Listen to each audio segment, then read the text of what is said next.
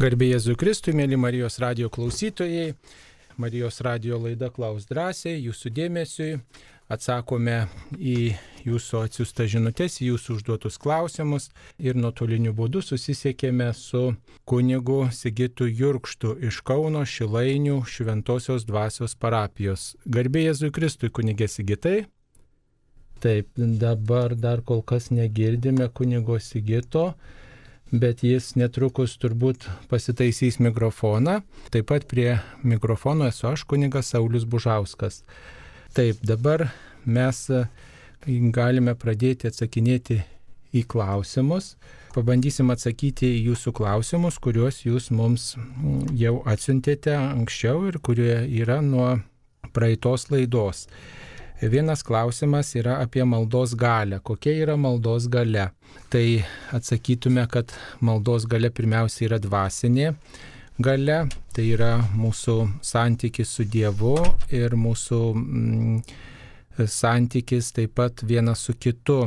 Malda mus atveria Dievui, malda augina mūsų meilę, artimo meilę, meilę Dievui, taip pat augina mūsų viltį ir augina mūsų tikėjimą. Malda išreiškia tikėjimą ir taip pat jį ugdo. Jeigu mes norime būti labiau tikintys, mes esam kviečiami nuolat melstis. Ir jeigu e, mes norime patirti tikėjimo jėgą, tikėjimo galę, tai, tai įmanoma per maldą. Trumpą, ilgą, per vienokią ar kitokią maldą. Kiekviena malda yra gera, svarbu, kad tai būtų atvirumas Dievui, svarbu, kad tai būtų nusistatymas stoti Dievo akivaizdoj, pavesti savo gyvenimą Dievui, kad tai būtų e, santykio dalykas, tai yra nenoras palengti man viską, kad būtų viskas taip, kaip aš norėčiau, kad Dievas taip e, kalbėtų, bet e, veiktų, bet stoju į ryšį, į bendrystę su Dievu per maldą ir galiu patirti viešpaties veikimą. Nebūtinai taip, kaip aš melžiuosi, nebūtinai taip, kaip aš įvardinu, nebūtinai taip, kaip aš norėčiau, e, bet e, taip, kaip Dievas nori, nes maldos užduotis yra palaikyti ryšį su Dievu. Ir maldos jėga tikrai yra didelė, tą Jėzus paliudijo Naujajam testamente, bent keliose vietose yra apie maldos galę. E, ir Jėzus melzdavosi ir įvykdavo stebuklai, ir tie stebuklai vykdavo taip pat ir e, apaštalams, kai jie melzdavosi, šaukdavosi Dievo. Ir tikrai žinom, kad ir daugybei žmonių gyvenime tie stebuklai taip pat vyko, vyksta ir aišku vyks. Na ir toks yra klausimas, kodėl kartais, kaip mes melžiamės, kaip mes karštai prašom, kodėl vienas ar kitas dalykas neįvyksta. Tai turbūt vis dėlto tai liks paslaptimi, bet tai priklauso nuo mūsų tikėjimų ir nuo viešpaties plano šiuo atžvilgiu mums, nuo viešpaties plano, ką viešpats yra mums suma, su, numatęs mūsų gyvenimui, mūsų istorijai. Taigi, dabar e, dar tęsėme, tęsėme klausimus, bandom atsakyti į jūsų klausimus, kuriuos jūs atsiuntėte. Kodėl reikia melstis už gyvus ir kitus žmonės? Melstis reikia todėl, kad mes galėtume su jais palaikyti ryšį, kad galėtume turėti kontaktą su jais, ypač e, melžiamės už mirusius, nes linkim jiems Dievo artumo ir per viešpatį tai yra toks tinkamiausias kelias palaikyti meilės ryšį su tais, kurie iškeliavo. O už gyvus melžiamės tam, kad galėtume, e, tam, kad galėtume irgi tą ryšį palaikyti ir tokį išgyventi solidarumą su jais. Aišku, galima kalbėtis galime kalbėti su jais e, gyvai, susitikti, paskambinti ir panašiai, tačiau malda už, ki, už kitus žmonės na, kviečia viešpatį mūsų bendrystę. E, ta meilės ryšį tarp mūsų augina, didina ir stiprina. Tai, tai yra stojimas Dievo akivaizdon ir pavedimas, pavedimas kito žmogaus Dievo globai na, kartais turbūt sunku su žmogumi kalbėti, sunku su žmogumi bendrauti, nes yra kažkokios nuoskaudos, yra tam tikri sunkumai, e, tačiau kai aš kviečiu viešpatį į tuos sunkumus, į mūsų santyki, tai vis dėlto meilę nukreipiu į mūsų bendrystę ir mūsų santykiai e, turi daugiau šansų pasitaisyti, nes pats viešpats, meilės šaltinis, pats Dievas, kuris yra gėris, dalyvauja mūsų istorijoje ir mūsų tarpusavio santykiuose. Ir, ir tada tos meilės, supratimo, pagarbos yra daugiau vieni kitiems. Taip, tai kunigė Sigitai, ar jūs girdite? Ne, dar Sigitas, e, Sigitas bando prisijungti. Nepavyksta mums susijungti su kunigu Sigitu. Taip, e, toliau bandome atsakyti į jūsų klausimus, kuriuos jūs atsiuntėte e, ankstesnėje laidoje. Prie kryžiaus deginamo žvakutės, juk ir taip Jėzus yra šviesa. Kodėl? Na tai e, prie kryžiaus deginamos žvakutės arba prie paveikslų deginamos žvakutės tam, kad išreikštume ne, maldą, savo maldą. Reiškia, tokiu būdu mes regimų ženklų išreiškėme prašymą ir mums nustojus melstis, štai dar va, tas regimas ženklas tarsi na, mūsų maldą primena, palaiko kitiems žmonėms ir, ir kartu tai yra na, toks dėkingumo ženklas Dievui, pagarbos Dievui ženklas, e, mūsų išraiška. Taip mes suprantam, kad e, Dievas yra šviesa ir jis apie tai sakė, Jėzus aš esu šviesa ir mes to šviesos trokštam, tačiau Jėzus apie tai kalbėjo apie save kaip apie šviesą, tokia kita prasme, dvasinė prasme, o ne ta tiesioginė prasme, kad štai dabar Jėzus šviečia tarsi žvakė. Taip, žvakės e, yra simbolis, tokia e, labai e, kukli, kukli nuoroda, kukli vis dėlto kukli tokia pagalba mums, mums mūsų tikėjimą išreikšti, mūsų tikėjimą palaikyti ir kartu priminti, kad kad Jėzus na, mus kreipia į amžinojo gyvenimo šviesą. Taigi galima sakyti, kad tokiu būdu mes parodom savo troškimą tikros dvasinės šviesos, aiškumo. Na, žvakė tik tai parodo, kad mums šitam pasauliu, žemiškam pasauliu, mūsų fiziniam pasauliu tos šviesos taip reikia ir mums mes taip tą šviesą džiaugiamės, tačiau Jėzaus šviesa yra na, tokia, kuri šviečia ne tik fiziniam pasauliu, bet tai padeda mūsų vertybėse, mūsų nu, dvasinėse nuostatose, mūsų pasirinkimuose, mūsų vertybėse. E, ir mm, mums tai yra pagalba gyvenime pasirinkti tai, kas yra, tai, kas yra teisingiausiai ir kas mus kreipia į amžiną gyvenimą. Taigi taip trumpai bandytume atsakyti. Na, taip pat vieną tokią žinutę turime, kurioje tokia žinia nešama. Pakomentuokite, kai bažnyčioje šokama, plojama, pavyzdžiui, per mišes ir šlovinamas Dievas žydiškomis giesmėmis. Taigi reikia pasakyti, kad mūsų krikščioniškas tikėjimas išaugęs iš judaizmo, Jėzus buvo žydas, Marija buvo žydaitė, taip kad tos žydiškos giesmės nėra kažkas tokio blogo ir kažkas e, tokio, kas greutų mūsų tikėjimą.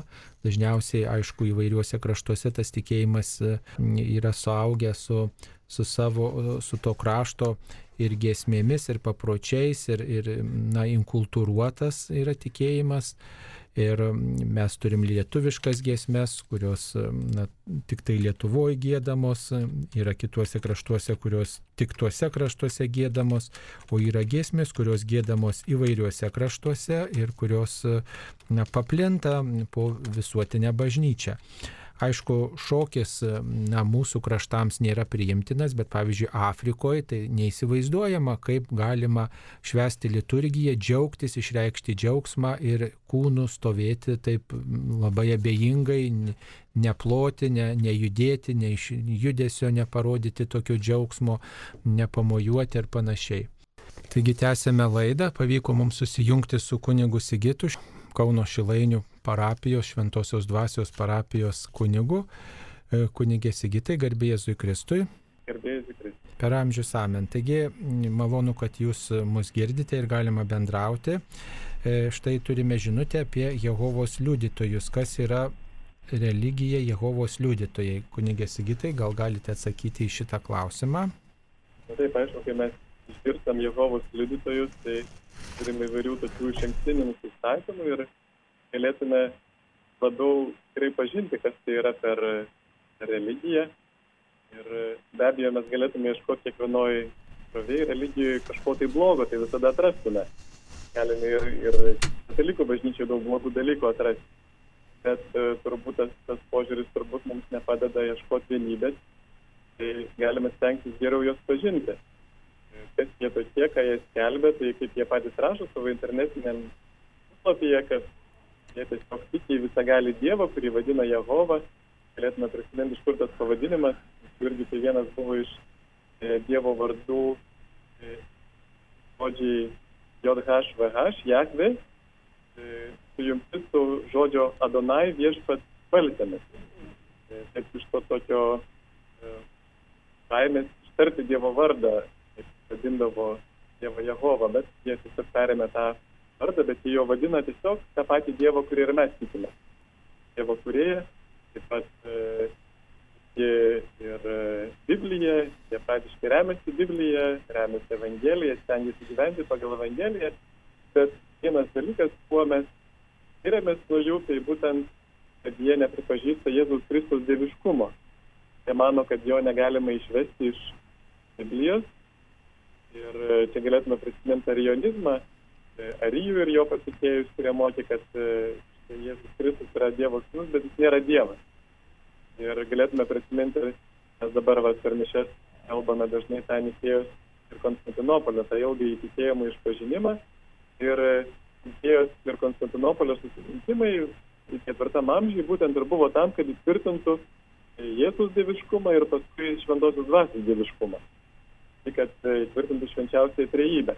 Paties žodžio trejybė, aišku, šventajame rašte nėra, bet trys asmenys jie minimi dažnai kartu. Taigi netgi ir Jono Evangelijoje, na, visiškai atvirai paštalas Jonas kalbė, kad Jėzus Kristus yra Dievas. E, Jėzus Kristus pats save vadina Dievo vardu, aš esu. Sako, jeigu netikėsite, kad aš esu, tai sakant Dievas, jūs ir numirkite savo nuodėmėmis. Nes tik Dievas gali atleisti nuodėmės. Na, bet jie nepripažįsta to, nepripažįsta, galima sakyti, dviejų susirinkimų pirmųjų bažnyčios. Ir e, tačiau visose kitose dalykuose jie tikrai stengiasi, na, nuoširdžiai gyventi. Pagal Evangeliją, pagal Dievo žodį. Kas tokio na, jiems neigiamą etiketę galbūt iškeliavo, kad jų bandymas e, pranašauti pasaulio pabaigą. Ir e, ką tas duodavo, kad prieš pasaulio pabaigos pranašystę jų narių labai padaugėdavo. Pavyzdžiui, 1914, 15, 25, 75 pranašavo pasaulio pabaigas. Bet paskui, e, kadangi netydavo pasaulio pabaiga, jie kitaip peraiškindavo, tada žmonės dalis nusivildavo. Dabar jau jie nebesijama prognozuoti tų pasaulio pabaigų stengiasi ieškoti teisingo Biblijos interpretavimo, na, pavyzdžiui, dar neleidžia perpilti kraujo, irgi dėl tos tokios e, interpretacijos šiek tiek pažodinės Biblijos, taip pat pažodiškai supranta tos 144 tūkstančius, kurie nepavat karaliaus e, pasaulio pabaigoje su Jėzumi. Taip pat jie nepripažįsta ir pra, na, nepažįsta amžino pragaro ir amžinos kančios pragare. Ir čia susijęs su jų įkūrėjų Raselo jaunystėje jisai labai bijojo, paniškai bijojo tos pragaro kančios.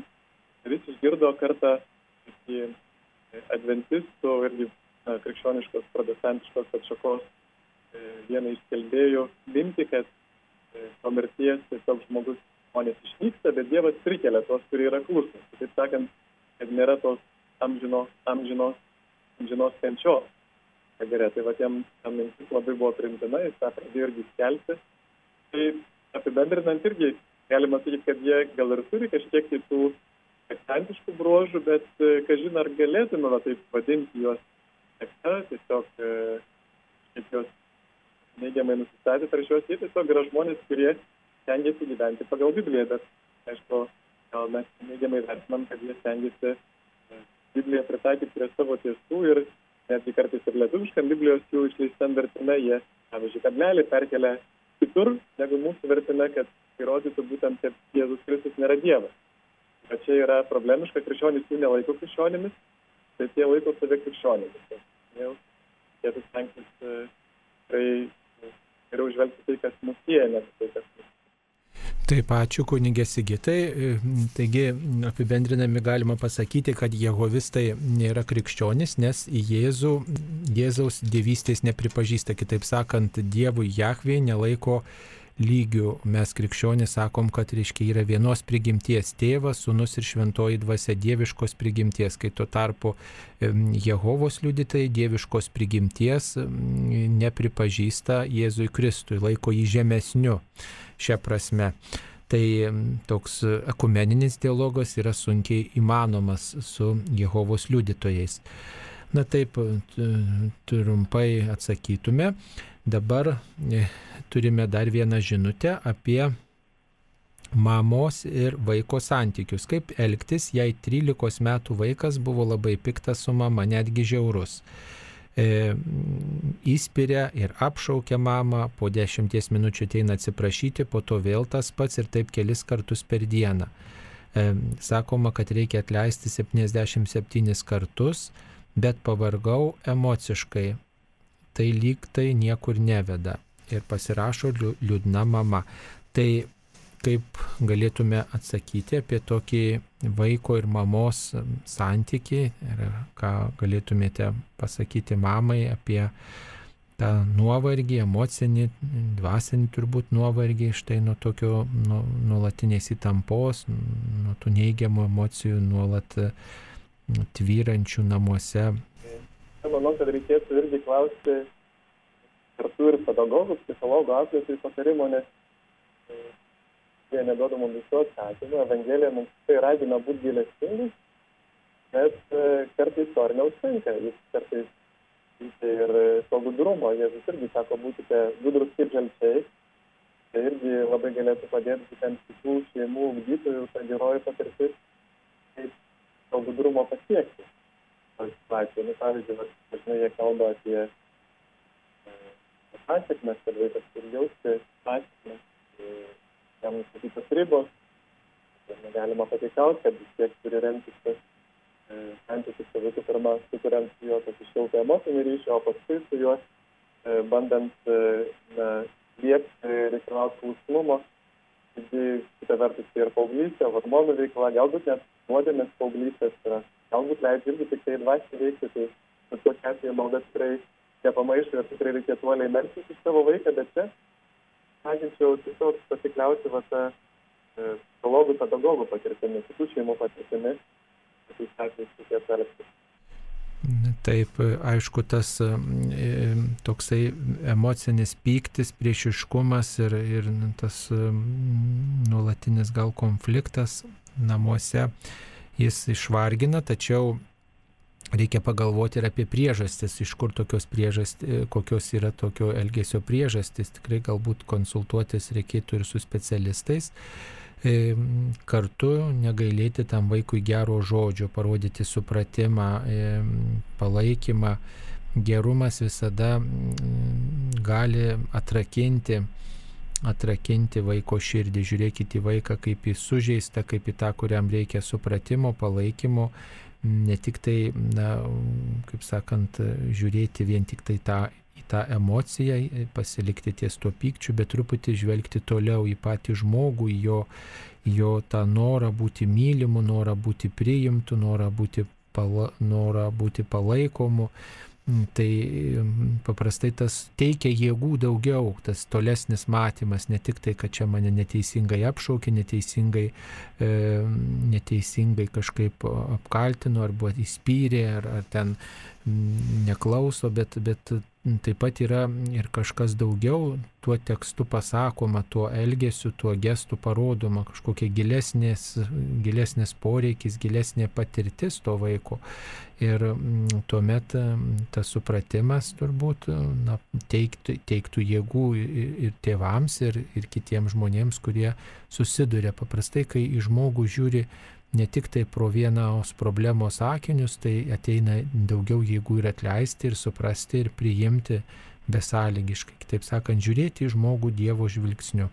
Ir dar galėčiau pridėti irgi, kad mes dažnai suprantame labai pasyviai tos e, Evangelijos reikalavimus, Biblijos sakymus, na, kad pavyzdžiui, nedaryk blogio, atleisk, bet e, kartu Biblija mus moko aktyviai pulti blogį gerumu.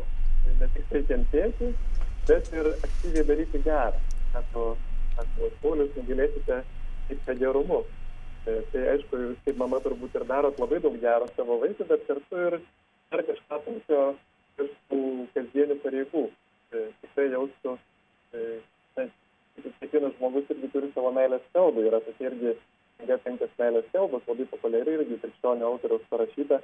Ir kiekvienas žmogus savaip supranta meilę. Pavyzdžiui, jeigu motinos kalba yra, tarkime, dovanos, o vaiko kalba yra žodžiai.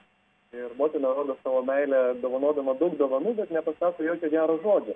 Ir vaikas jis nesijaučia mylimas, nes meilė supranta, kai jam pasako gerą žodį. Tai galėtum irgi ir apie tai pagalvoti. Taip, toliau atsakome jūsų atsiustas žinutės. Kaip paaiškinti Dievo leistą kraujo upę, kuri be sustojimo liejasi nuodėmės nepadariusioje gamtoje, nes vienas gyvūnas gali išgyventi tik žudydamas kitą? Kaip paaiškintume? Na, visų pirma, tai norėčiau irgi gal patikslinti, kad e, ne visi gyvūnai turi žudyti kitus. Mūsų yra gausybė gyvūnų, kurie maitinasi augalais, atliekomis, jau mirusiais gyvūnais. O taip pat yra didelė dalis gyvūnų, pavyzdžiui, vabzdžiai, kurie iš viso neturi skausmo receptorių ir neturi emocijų. Jiem kažkas tai nemalonu, kai juos, pavyzdžiui, koja nutraukia, bet, bet jie nejaučia skausmą, jie nejaučia emocijų. Taip pat e, gyvūnai, visi gyvūnai, išskyrus žmogų, jie neturi savęs suvokimo. Jie nesupranta, kad jie yra a, asmuo. Ir mums dažnai vaikystėje, e, žinote, visi gyvūnai vaizduojami labai susmoginti. E, na, aišku, tai dalis gyvūnų yra panašus į mus, jie turi ir, ir bežionės, ir viršūnės, ir gitalis, ir taip toliau, jie turi ir, ir emocijas, ir jaučia gal panašius dalykus, bet vis dėlto būtų turbūt tiksliau juos suprasti ne kaip asmenis, ne kaip žmonės, bet kaip biologinės mašinos, kaip robotus. Žiūrėkit, mes, pavyzdžiui, e, mašiną, automobilį perdirbame, įsitraiškų ir iš naujo pagamina kitą, mes ir neliūdime, kad automobilis yra perdirbamas kas vyksta ir gamtoje, tos biologinės mašinos jos nuolat perdirbamos, kad ne, nepražūtų ta medžiaga ir, ir gaminamos kitos. Ir kita vertus, žvelgime pavyzdžiui Eucharistiją. Kad Dievas jisai duoda save kaip maistą. Duoda, sako, imkite ir valgykite, valgykite mane. E, taigi tai yra kažkas dieviško, duoti save suvalgyti, pasaukoti dėl kito gyvybės. Ir aišku, kūniška meilė mums nuolat ieško malonumų, bijo kančios ir mes dažnai galvojam, kad blogis yra e, tai, kas yra skausmas, pavyzdžiui, kas sukelia skausmą, kančią, e, kad tai jau yra blogis. Bet, pavyzdžiui, ar norėtumėt savo vaikui, kad jūsų vaikas nejaustų skausmą? Jeigu jūs galėtumėte tai padaryti, kad vieną dieną jūs išvengėt visus skausmo receptorius savo vaikui. Ir ką jūs galvojat, jūsų vaikas jau po greitų laikų būtų susilaužęs didelę dalį savo kaulų ir sugadinęs dalį savo organų. Taigi tai būtų na, didžiausia nemailė iš jūsų pusės atimti vaikui skausmo receptorių. Aišku, kad yra per daug tos skausmų, mes stengiamės įmalšinti ir medicinai, ir vaistais, ir kitais dalykais, bet šitie dalykai yra e, išmintingi ir reikalingi. Mes labai nedaug žinom, nu, kitaip sakant, e, jau mokslas žino daug apie gamtą, bet mes jeigu užsidarom, kartais krikščionys turi tokią tiek tendenciją ieškoti viso atsakymo Biblijoje, bet Biblijoje nėra viso atsakymo. Ir jau šventasis Augustinas irgi perspėjo e, ketvirtam amžiui, kad mes, jeigu žodiškai interpretuosime ypatingai pradžios knygą, tai mes ir patys įsisleisime ir, ir, ir sukompromituosime Evangelijos žinę. Nes mes labai gyvai atrodysime tų žmonių akise, kurie yra susipažinę su tais, su tais mokslo duomenimis, nes, pavyzdžiui, galime tą interpretuoti ir buvo ilgus amžius, iki pat turbūt XIX amžiaus pabaigos dar šiais laikais interpretuojama ta gamtos kančia kaip žmogaus nuodėmės pasiekmė. Štai Adomas ir Jėva nusidėjo ir tik tuomet atėjo pasaulio mirtis, e, kančia ir panašus dalykai, bet biologija mums pateikia visai kitą vaizdą. E, pasirodo, kad virusai, lygos, mirtis egzistavo nuo pat pat gyvybės atsiradimo pradžios, kad visa gyvybė net yra ir dabar ir bažnytiniam dokumente, pavyzdžiui, e, vienam iš bažnyčios dokumentų yra pripažįstama, kad tikrai mokslas tais laikais pateikia visiškai įrodymus, kad organizmai kilo iš kažkokio tai vieno ar, ar nedidelės grupės pirminio organizmų, kad mes visi esame kilę iš uh, vienos šaknies. Taigi turėjo būti ir mirtis, ir kančia. Taigi mes negalime sakyti, kad tai Adomas ir Jėva nusidėjo ir, ir tada suvedino viską, kad tai atsirado kančia e, gyvūnų pasaulyje. Bet galėtume žvelgti giliau, kad e, visą tai, kas mums atrodo kaip na, žiauru kažkiek tai, e, galėtume pažiūrėti į vaisius. Sakoma ir Jėzus sako, medis pažįstamasis vaisius. Jeigu vaisiai yra geri, tai ir medis yra geras. Tai šiuo atveju, pavyzdžiui, yra žmogus, evoliucijos viršūnė žmogus, kuris sugeba ir mylėti, ir gerą daryti, taigi vaisius yra geras. Dar netgi patys biologai sako, kad atrodo irgi evoliucija vyksta link didesnio altruizmo, didesnio rūpinimosi palikuoniais. Vadinasi, net tai, kas mums atrodo žiauru, atrodo veda link didesnio gėrio, didesnio altruizmo.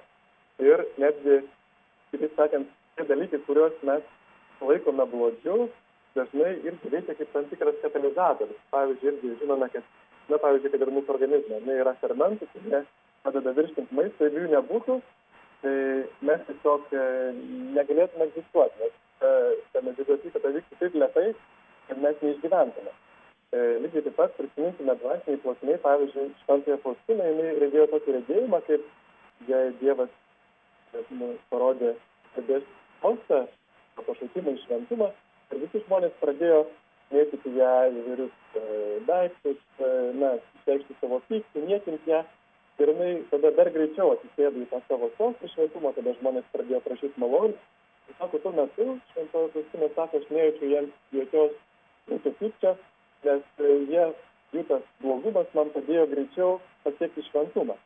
Irgi galėtume sakyti, jeigu pasaulyje neegzistuotų blogio kančios, turbūt e, mes labai labai lietai keliautume link šventumo ir labai mažai kas pasiekti šventumą, bet būtent tos sunkios situacijos, kad ir dabar ta e, koronaviruso pandemija leidžia atsirasti mūsų na, atsirasti šventiesiems, atsirasti didvyriams, leidžia labiau pasiaukoti, labiau dėl bendro labo na, daryti kažką tai, o ne tik tai patogiai savo sėdėti namuose. Tai galime irgi prisiminti, kad e, tas posakis, kad gamtoje išlieka stipriausiai, yra tik dalis tiesos. Nes stipriausiai būtent būnant tada, kada esame vieningi su kitais. Taigi tie pavojai visi, tie virusai, grobuonės, plėšikai, lygos, e, plėšrūnai, tai yra visi tie dalykai, jie skatina evoliuciją ir duoda gerą vaizdą. Tai mums arčiau reikėtų geriau pažinti gamtą ir, ir tikrai nusistebėti, kokia nuostabi yra ta gamta. Nes, pavyzdžiui, vat, galėtume tokį pavyzdį neseną prisimenu iš genetikos irgi istorijos, tai e, ypatingai tie, kurie žiūri į gamtos mokslus kaip į į gamtą, kaip į, į tokį aklo atsitiktinumo produktą, kai buvo iššifruotas žmogaus genomas, tai sakė, kad, žiūrėkit, tik tai 2 procentai genomo atsakingi už baltymus. Visa, visa kita dalis yra šiukšlė. Ir mūsų genų didžioji dalis yra tiesiog šiukšlės, rodo istorija. Bet prieš kelis metus buvo toks irgi tyrimas, kur nustatė, kad 80 procentų genų jie nuolat veikia.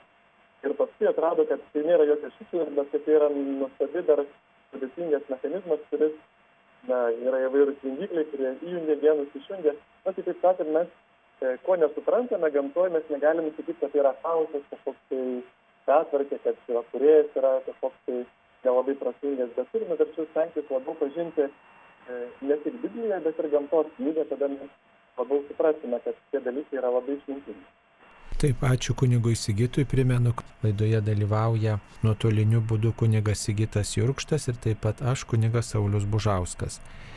Toliau turime tokią žinutę. Ar iki trejų metų mirusiam vaikui galima užsakyti šventasias mišes, nes jis angeliukas, taip tokia žinutė atsiusta, ar už mažus vaikus e, reikia melstis mišiuose, kunigė Sigitai.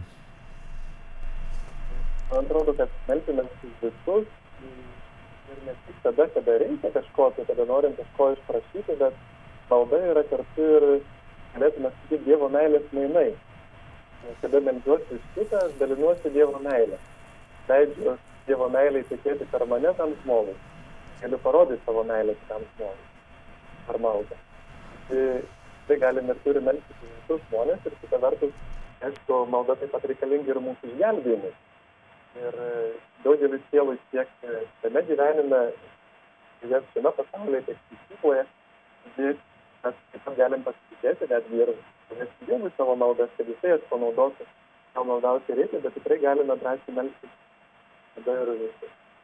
Taip, bet to malda stiprina mūsų visų tikėjimą, šventos mišios e, užmirusius, taip pat ir mūsų ryšį išreiškia su Dievu ir su tais, kurie iškeliavę. Taigi dėl to ryšio ir melžiamės ir be to viešpats panaudoja mūsų maldą, jeigu tam žmogui tikrai amžinybė yra mm, šviesu, yra Dievo artumas, tai ta mūsų malda neprapuola, mūsų meilės ryšys stiprėja ir viešpats matydamas mūsų solidarumą tikrai e, savo e, meilę išlieja tam, kam labiausiai to reikia. Taip, dabar turime dar vieną žinutę apie šių dienų aktualijas. Prašau paaiškinti dėl atidaromų bažnyčių, kaip su išpažintimi, kaip su komunija ir kaip su riziko žmonėmis, jei jie gali nueiti, bet neįs bijodami dėl savo saugumo ir dėl kitų, ar jiems bus sunki nuodėmė, kad nei sekmadienį, o klausys per radiją kiekvieną dieną po kelis kartus šventasias mišes ir priims dvasinę komuniją, kaip tada su visuotiniais atlaidais. Taigi, Lietuvos viskupai šiomis dienomis e, nutarė, e, taip sakant, nuo balandžio 27 taikyti šio, e, tokias normas dėl pamaldų rengimo. Tai galima vyresniems žmonėms likti savo namuose ir toliau, E, nors šventas mišes leidžiama aukoti tikintiesiems, tačiau ribojamas dalyvaujančių žmonių skaičius.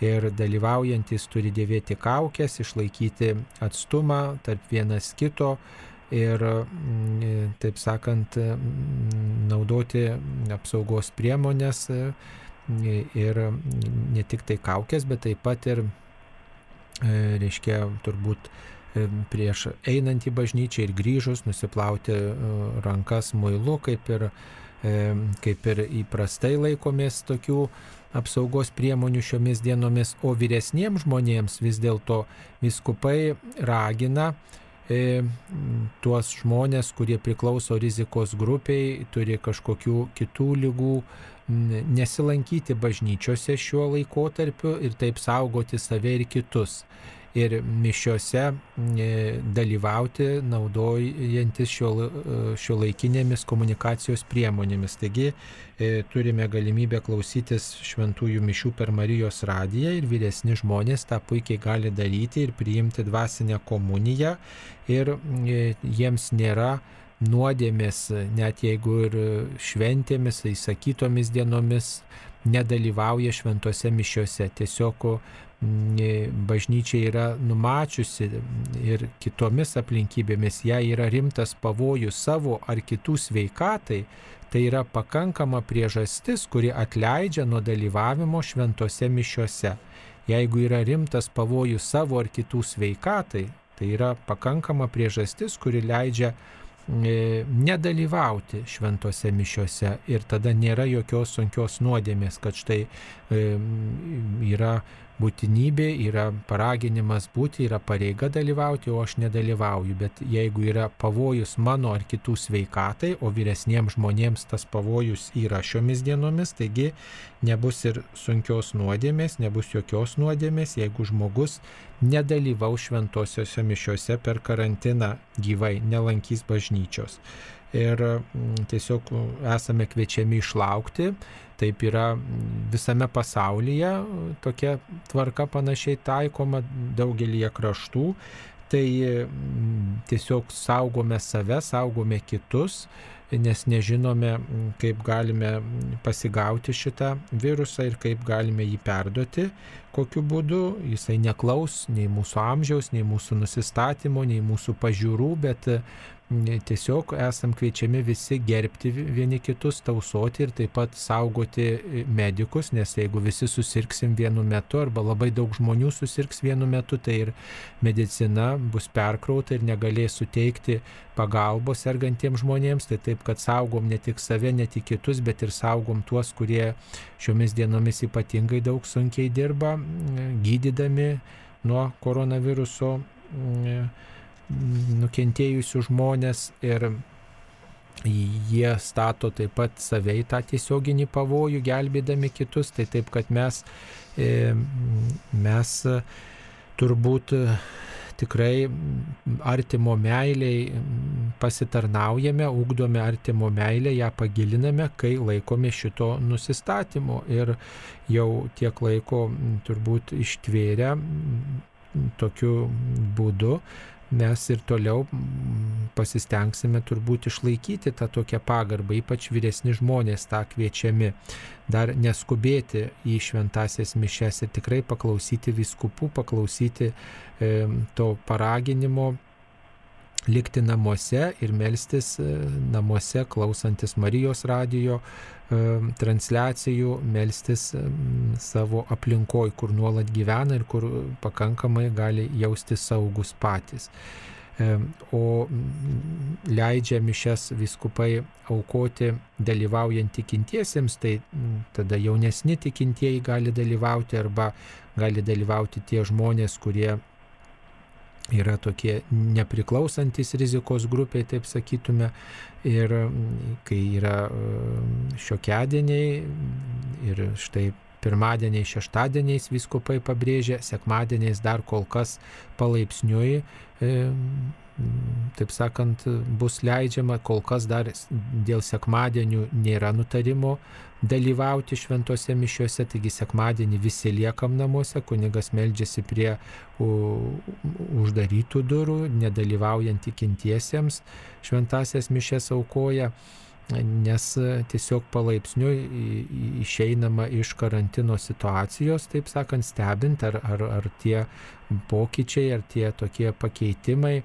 sielovados, jie net neš kažkokios žalos mūsų sveikatai. Taip, tai daug visokiausių nuomonių, vieni už, kiti prieš, bet mes e, tikrai pagarbą išlaikykim šiuo atveju ne, ne tik tai savo nuomonę norėdami įpiršti, pasakyti arba primesti, tiesiog pasitikėkim autoritetais, pasitikėkim viskupais, kurie konsultuojasi taip pat ir su specialistais, ir su e, sveikatos apsaugos ryties darbuotojais e, e, ir, ir tiesiog atsakingai priima tuos nutarimus. Ir mes tiesiog būkime klusnus, kantrus, tikrai ir Dievo akivaizdoje, ir artimo akivaizdoje, tuomet išliksime, kaip sakoma, teisesni, negu kad būtinai primesdami arba verždamiesi arba sakydami, kad taip ar kitaip reikia daryti. Taigi taip atsakytume į šitą klausimą. Visuotiniai atlaidai galioja ir šiomis sąlygomis. Štai, kas meldžiasi namuose, kas jungiasi, negalėdamas dalyvauti, Dievo malonė tikrai pasiekia ir jūs gaunate tą Dievo malonių pilnatvę, net ir tokiomis aplinkybėmis. Viešpats tikrai nedėls su pagalba, jei tikrai tokios pagalbos žmogaus išgelbėjimui reikia. Taip, dar viena žinutė. Nepakrikšti jau vaikų, kas laukia visų nepakrikštytų, juk tokių darosi vis daugiau. Kunigė Sigitai, gal jūs galite atsakyti šitą klausimą?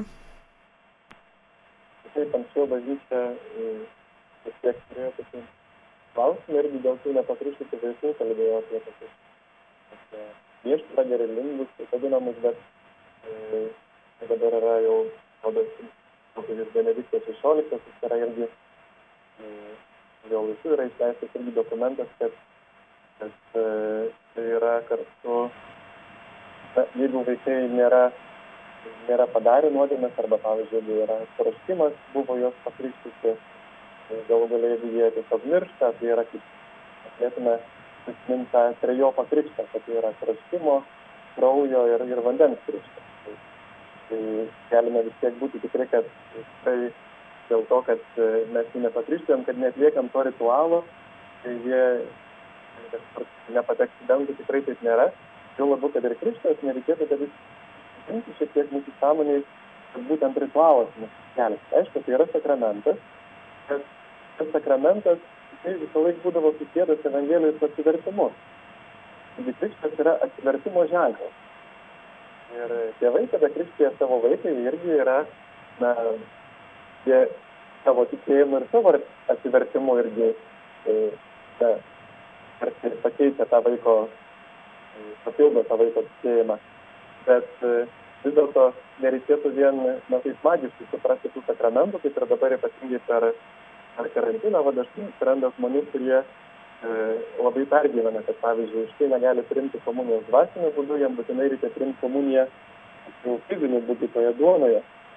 Tai, tai Dievas nėra apribotas sakramentais, sakramentai mums padeda, logiškai, tai padeda e, priimti Dievo malonę čia ir dabar materialiam, materialiais pavidalais.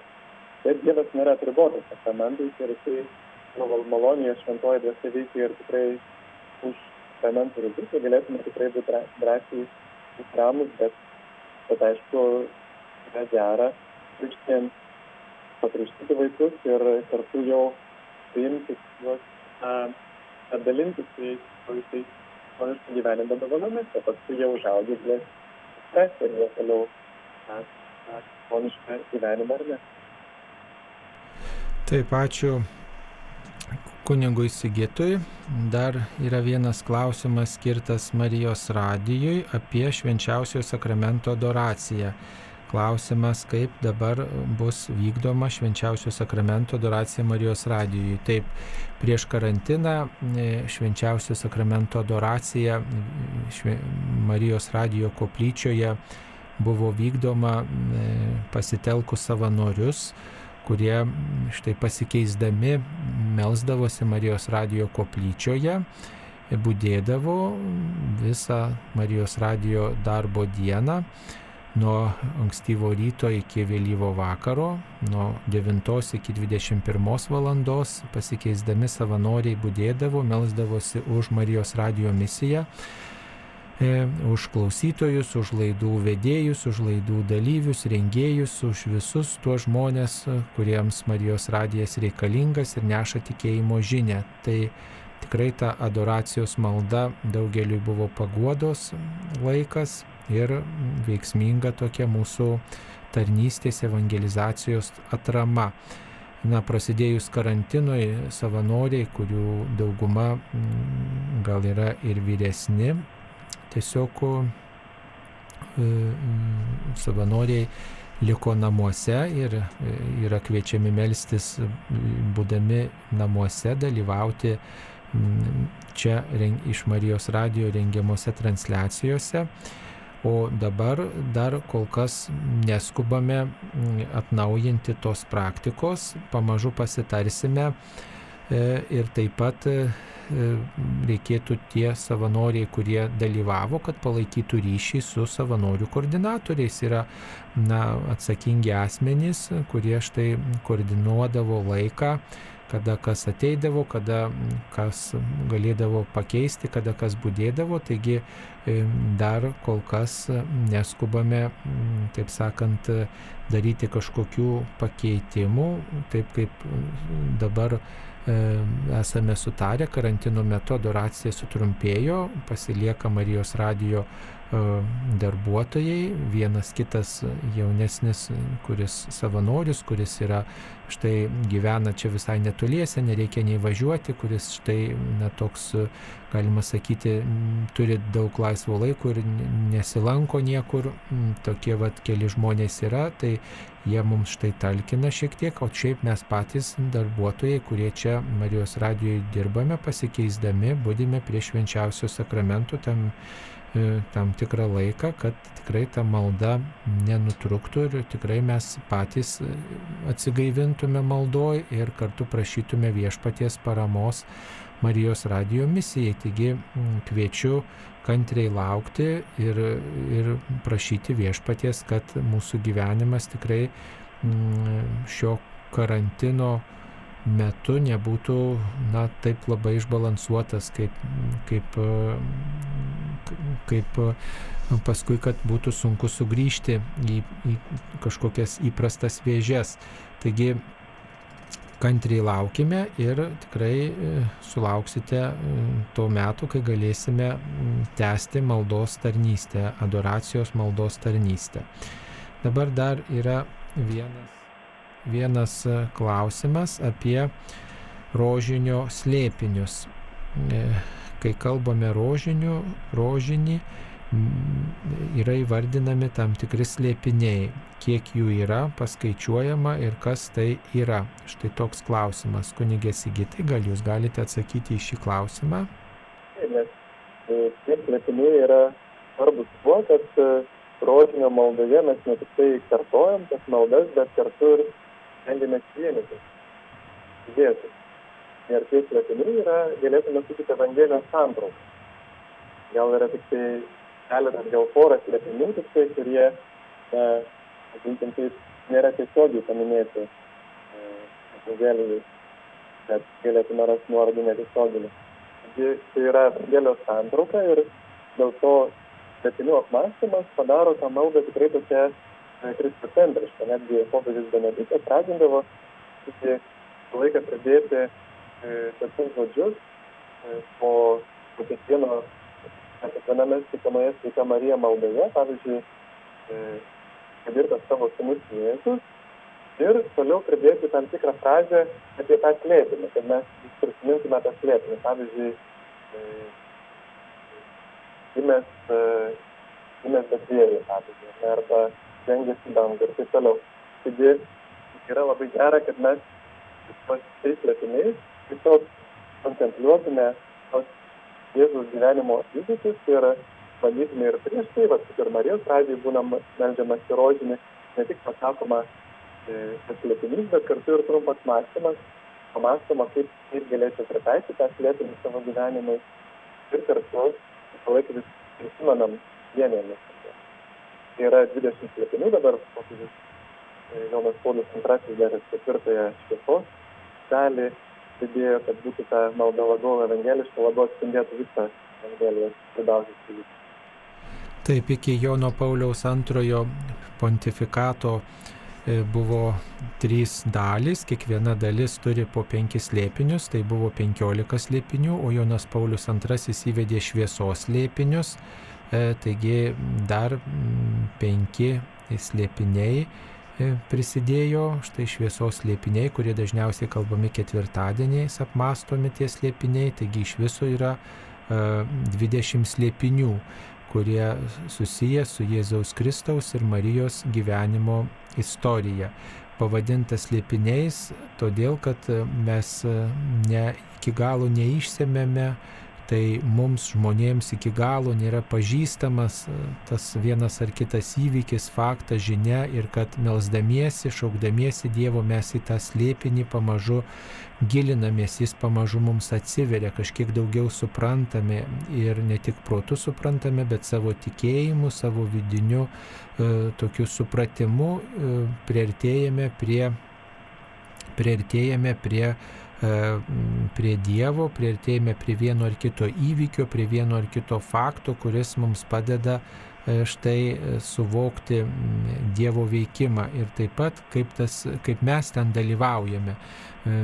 Juk ne tik tai apmastome E, vieną ar kitą istorinį faktą, kuris buvo vieną ar kitą teologinę tiesą, bet taip pat ir savo santyki, kaip mes ten dalyvaujam, ką mums tai reiškia.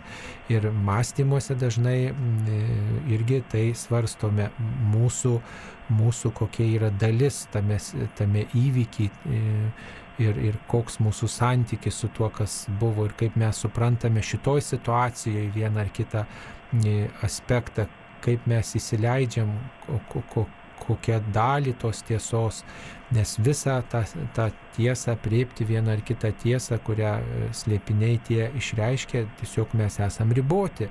Ir tik tai tokiu nuolankumu, nuolankiu protu, tokiu ilgesiu mes priimame tai, ką mums viešpats nori atskleisti apie, apie save, apie savo veikimą pasaulyje, istorijoje ir tiesiog juos tuos slėpinius apmastydami mes e, sudabartiname tai, kas kažkada vyko ir e, visada prie to, to įvykio ar, ar, ar tiesos liesdamiesi mes kažką naujo suprantame, praturtiname savo tikėjimą ir kad tai e, nėra tik tai proto dalykas, bet tai yra toks tikėjimo dalykas, širdies dalykas, santykio dalykas, na, to, to reiškia, tos paslapties arba slėpinio, kaip tiksliau pasakoma, e, įvardyjama, reiškia, suvokimas. Tai kviečiame tikrai melstis kiekvieną dieną e, rožinio slėpinius, e, bent penkis slėpinius apmastyti pagal pasirinktą dieną pagal tos dienos e, temą, nes kiekviena diena, savaitės diena turi tam tikrą priskirtą slėpinį ir apie tai daugiau galite rasti kiekvienoj maldaknygiai. Maldaknygiai jėse yra pateik įvardinti ir tie slėpiniai, e, štai melžiantis rožinį ties kiekvienu, taip sakant, tėvė mūsų maldos, e, ties kiekvieną Tėve mūsų malda mes tą slėpinį įvardyjame ir, ir tiesiog apmastome ir, ir tam tikrai ir mąstymo tekstai, kaip žinot, pateikti. Ir masty, kalbėdami sveika Marija maldos žodžius, dešimt sveika Marijų, turim progos gilintis į vieną ar kitą rožinio slėpinį. Norėčiau truputėlį papildyti, kad jis Jėzus yra tobulas žmogus, yra ir Dievas, ir tobulas žmogus, ir jis mums rodo pavyzdį, kaip gyventi ir todėl tas dažnas jo gyvenimo slėpinių apmąstymas padeda mums panašėti į Jėzų. Mes ne tik to ten iš malsumo kažkaip ar, ar dėl kitų priežasčių bandom jos slėpinius gilintis, bet kad juos seksime. Irgi, e, kaip ir šventas raštas, irgi turi tas prasmes moralinę prasme, taip pat e, nemoko mus, kaip mes turėtume elgtis gyvenime, taip pat yra ir vadinama na, vilties pedagoginė prasme, kur mes einame, ko mes tikimės, tai kartu žadina ir mūsų viltį, pavyzdžiui, kai mąstome apie prisikelimą, žengimą į dangų, šventosios dvasios atsiuntimą, mergelės Marijos vainikavimą, kad tai laukia ir mūsų. Tai žadina mūsų viltį, šeimą, meilę ir yra gera ne tik tai, pavyzdžiui, melstis tą vieną dalį rožinio, kaip yra numatyta tos savaitės dienos, nes bažnyčia dažnai numato tokius minimumus pavyzdžiui, kartą metuose priimti komuniją, eiti iš pažinties, bet e, galime, tik, tikrai niekas netrukdo ir, ir galime ir daugiau tų rožinio dalių per dieną melsti, pavyzdžiui, patinka toks pavyzdys, e, tai žiūrite kartais filmą per televiziją. Tai per tą filmą, kai pažiūrime, mes per tą laiką galime pasimelsti visas keturias rožinio dalis. Tai tikrai ne, negalim sakyti, kad neturim laiko. Tai tų filmų pažiūrim kartais. Ir Taip pat yra labai gera ne tik tai mąstyti slėpinius, bet dar ir e, turėti intenciją. Patinka tas pavyzdys, mažą vaiką maitina ir duoda šaukštą, sako, štai čia tevelį, už mamytę tą košę suvalgyti ir jisai taip netai tą košę suvalgo. Tai panašiai ir mes e, maldoje galime ne tik, kad kiekvienas slėpinį, galbūt net ir kiekvienas reikia Mariją ar maldą kitą skirti už kažkokį mums brangų žmogų.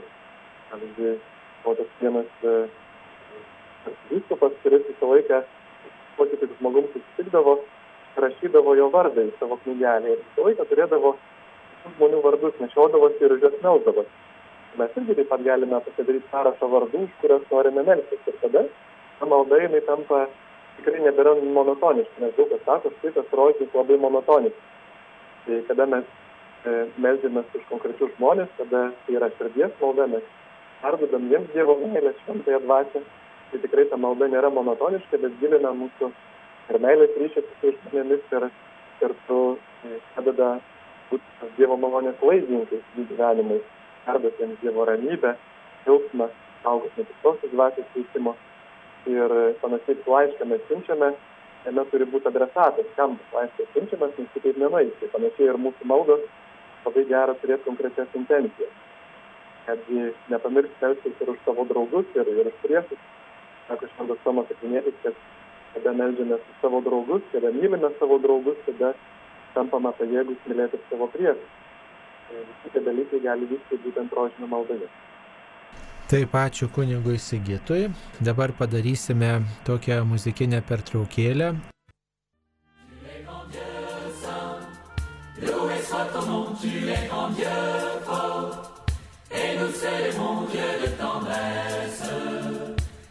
miséricorde ton amour. Pokalbių laida Klausk drąsiai.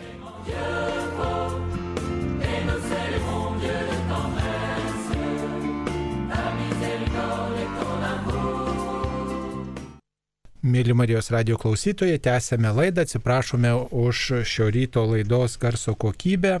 Tiesiog, na, karantinas verčia mus visus tiesiog dirbti truputį kitokiomis sąlygomis, bet tikimės jūsų kantrybės ir supratimo. Tęsėme laidą Klaus drąsiai, kurioje atsakome jūsų klausimus.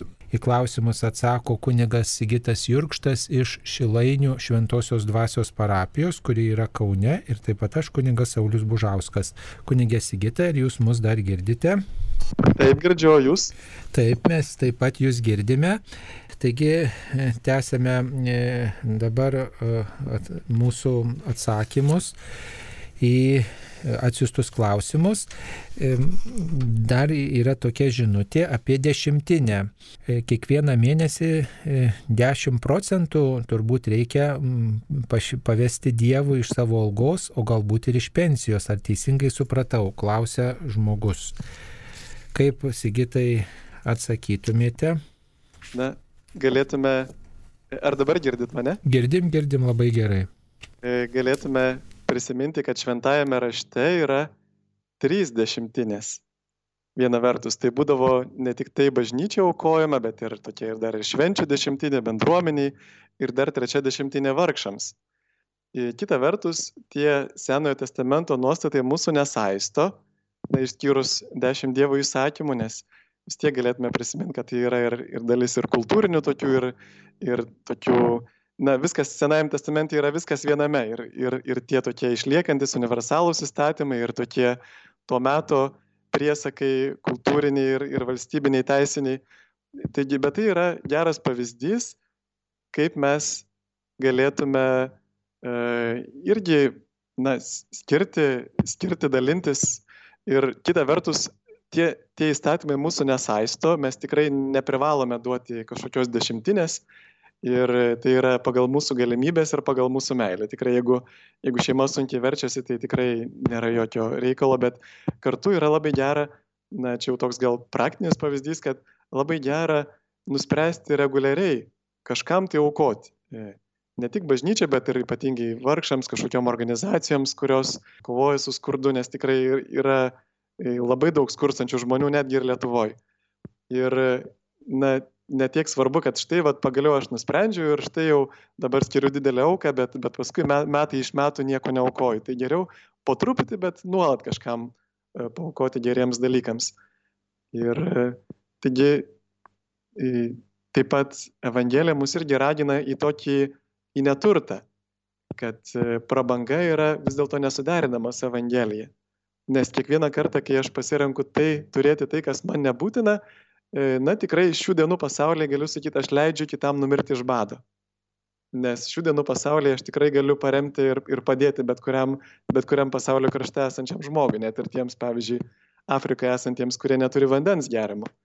Taigi vis dėlto tai irgi nėra tokia griežta taisyklė, kad aš jau būtinai, būtinai jau turiu visur, visose dalykuose jau e, susiversti diržus, nes, pavyzdžiui, matėme ir iš Evangelijos, kad Jėzui viena moteris jam padovanojo labai brangią dovaną, tą brangų tepalą, parodydama savo meilę. Tai vėlgi mes galim iš meilės žmogui ir padovanoti tai, kas jam galbūt nėra būtina, bet yra kaip meilės ženklas. Tai tiesiog neturėtume labai raidiškai to priimti, bet Evangelija kalba apie tai, kad turėtume dalintis ir kad nuo mūsų meilės priklauso, kiek mes dalinamės ir kad mes turime išmintingai dalintis. Taip, ačiū kunigė Sigitai už jūsų atsakymą. Taip ir tiek, kiek galime, tiek teikiame, o čia ypatingai to papročio laikosi protestantai šiais laikais, protestantų bendruomenės dešimtą dalį skiria bendruomenės labui, kad štai bendruomenė galėtų gyvuoti. Ir, o mes skiriame tiek, kiek galime, taip, tiek, kiek mums atrodo reikalinga. Dar viena žinutė. Mirus žmogui užsakomos mišios, po to girdime, kad meldžiasi žmonės e, trečią dieną po mirties, septintą, devintą, trisdešimtą ir taip toliau. Kuo svarbios tos dienos? Ar čia žmonių pasirinkimai? Kunigė Sigitai, gal jūs e, žinote daugiau, galite atsakyti?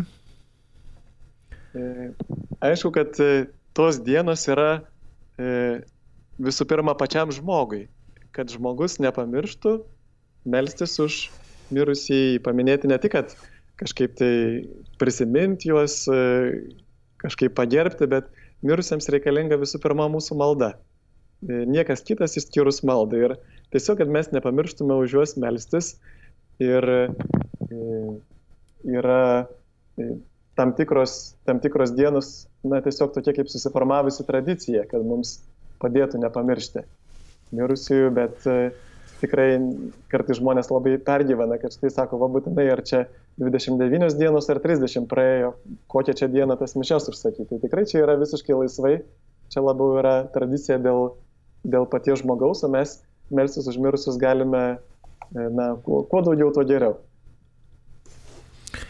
Na taip pat e, norėčiau pridėti, kad e, šitas paprotys melstis 7 dieną užmirusi, 30 dieną metinių proga taip pat nėra vien susijęs tik tai su krikščionybė.